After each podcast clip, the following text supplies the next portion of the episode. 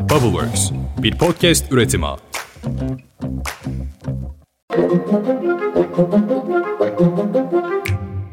Günaydın. Bugün 4 Nisan 2023. Ben Özlem Gürses. Bubbleworks Media ve Pushholder ile birlikte hazırladığımız 5 dakikada dünya gündemine hepiniz hoş geldiniz. Türkiye'nin yerli ve milli otomobili TOG artık yollarda. Seçime yaklaşırken önce Karadeniz gazı karayla buluşacak, sonra da Akkuyu nükleer santrali açılacak. Nasıl olduysa hepsi bu tarihlere denk geldi. Hadi hayırlısı. Ben size gündemi anlatayım. Türkiye'nin yerli otomobili TOG'un teslimatları başladı. İlk siparişi veren Cumhurbaşkanı Recep Tayyip Erdoğan ve First Lady Emine Erdoğan'a Cumhurbaşkanlığı Külliyesi'nde yapılan bir törenle araçları teslim edildi. Erdoğan gemlik renginde olan TOG'u tercih ederken Emine Erdoğan'a ise 34 EE 2071 plakalı Anadolu kırmızısı rengindeki araç sunuldu. Cumhurbaşkanı Erdoğan, Emine Erdoğan'ın otomobilinden bahsederken bir muhabirin bir turluk mu verdi yoksa arada alacak mısınız sorusuna da şöyle yanıt verdi. Bir tur mu verdi yoksa arada alacak mısınız? arada alma şeyi nasip olur da artık biz biliyorsunuz daha çok kendimiz kullanmaktan öte makam şoförlerimiz de bu işleri yapıyoruz ki yakışanı o oluyor. Bu arada Elon Musk'ın Tesla'sı da dün itibarıyla Türkiye'de satışına resmen başladı. Tesla Türkiye fiyatlarını tek tek yayınladı. Fiyatlar 1 milyon 548 bin liradan 1 milyon 778 bin liraya değişiyor. Bu fiyatlara göre Tesla ile TOG'un başlangıç fiyatı arasında 595 bin liralık bir fark var. Artık siz hangisini tercih ederseniz onu alırsınız. Seçime kaldı 39 gün. Adayların hem bağış kampanyaları başladı, biliyorsunuz cumhurbaşkanlarına bağış yapılabiliyor, hem de reklam kampanyaları hayata geçti. Facebook ve Instagram gibi sosyal medya platformlarının sahibi olan çatı şirket Meta, siyasilerin ve siyasi partilerin reklam harcamalarını açıkladı. Son 90 gün içerisinde en fazla reklam harcaması yapan parti toplamda 663 bin lirayla Deva Partisi olmuş. 459.705 lirayla AK Parti ikinci sırada, İstanbul Büyükşehir Belediye Başkanı Ekrem İmamoğlu ise 203.440 liralık reklam harcamasıyla üçüncü sırada. Bu arada Deva Partisi 14 Mayıs Cumhurbaşkanlığı ve milletvekili seçimleri için ilk kampanya filmini de yayımladı. Şöyle bir şey. Merhaba, ben Ali Babacan. Deva Partisi Genel Başkanıyım. İlk kez seçimlere giriyoruz. Bizim gibi düşünen ne kadar çok insan var bu seçimde göreceğiz. Işıkları yakalım. Memleket Partisi Cumhurbaşkanı adayı Muharrem İnce dün gece katıldığı bir canlı yayında ilk turda kimsenin kazanamayacağını savundu. İnce, ikinci tura ben kalacağım, seçmen yaşını 15'e düşürsek ben birinci turda bile alırım dedi. Sunucunun daha önce Kılıçdaroğlu lehine çekilirim şeklinde bir sözünüz var sorusuna ise şöyle yanıt verdi. Efendim o geçmişte kaldı. Şimdi kurallar Ona çekildi. dair bir şey soracağım. Yerler belli. Soramadım. Orası geç ama bitti orası artık. Artık adaylar belli. Dört aday var.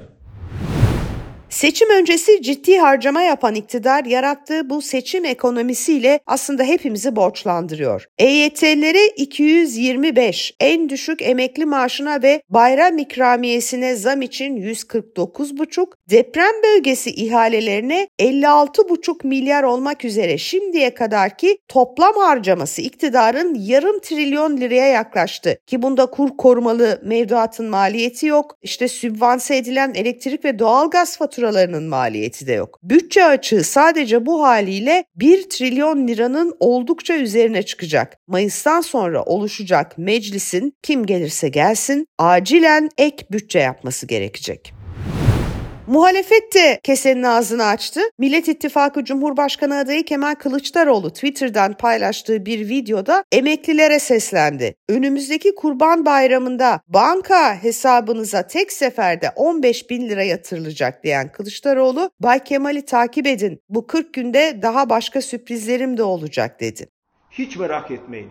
İktidara geldikten sonraki Kurban Bayramı'nda 8500 lira ikramiyenize ilaveten bu Ramazan bayramı için oluşan 6500 liralık fark da ek ödeme olarak hesaplarınıza yatacak. Hadi daha ne söyleyeyim? Önümüzdeki Kurban Bayramı'nda banka hesabınıza tek seferde 15 bin lira yatırılacak. Kadınlar AK Parti'den ve çok sevdikleri Erdoğan'dan vaz mı geçiyor? SODEV, Sosyal Demokrasi Vakfı tarafından hazırlanan raporda kadınların siyasi parti tercihlerindeki değişim çarpıcı. Buna göre 2018 milletvekili seçimlerinde AK Parti'ye oy veren kadınların %7,8'i CHP'ye kaymış. MHP ve İyi Parti'de de kadın seçmen kaybı yaşanmış.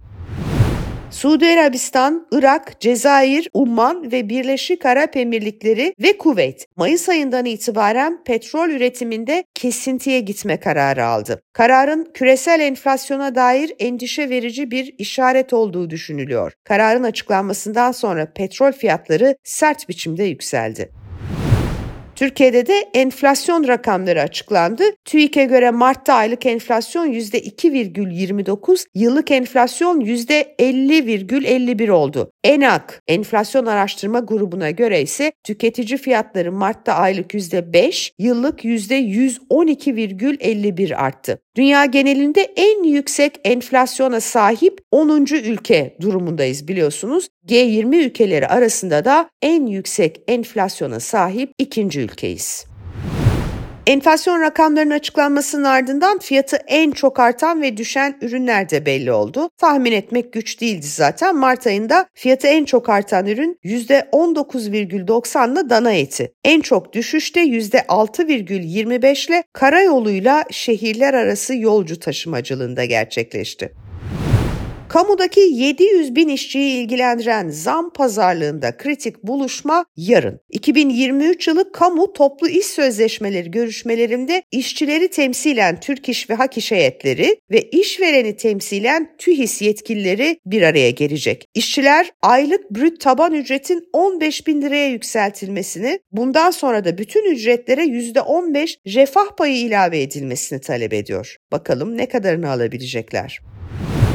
Bugün Finlandiya için de büyük bir gün. NATO Genel Sekreteri Stoltenberg, Finlandiya'nın bugün 31. üye olarak NATO ittifakına katılacağını ve bayrağının NATO karargahına çekileceğini bildirdi. Bu kilidi açan Türkiye olmuştu biliyorsunuz. Bu arada Finlandiya'da genel seçimler yapıldı dün. Kesin olmayan sonuçlara göre orada da muhafazakarlar kazandı. Muhafazakar Ulusal Koalisyon Partisi %20,8 ile yarışı önde tamamlamış gözüküyor. Gerçek Finler Partisi %20 ve mevcut başbakan, dünyanın en genç kadın başbakanı 37 yaşındaki Sanna Marin liderliğindeki Sosyal Demokrat Parti ne yazık ki sadece %19,9 oy alabildi.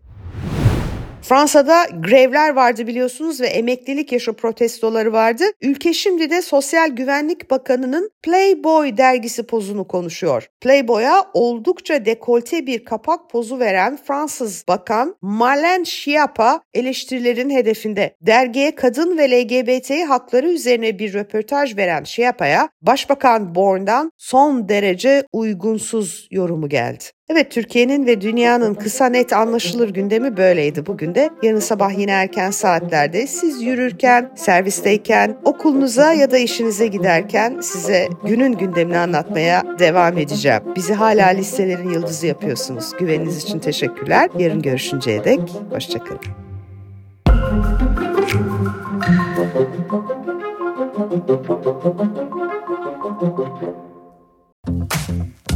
Bubbleworks bir podcast üretimi.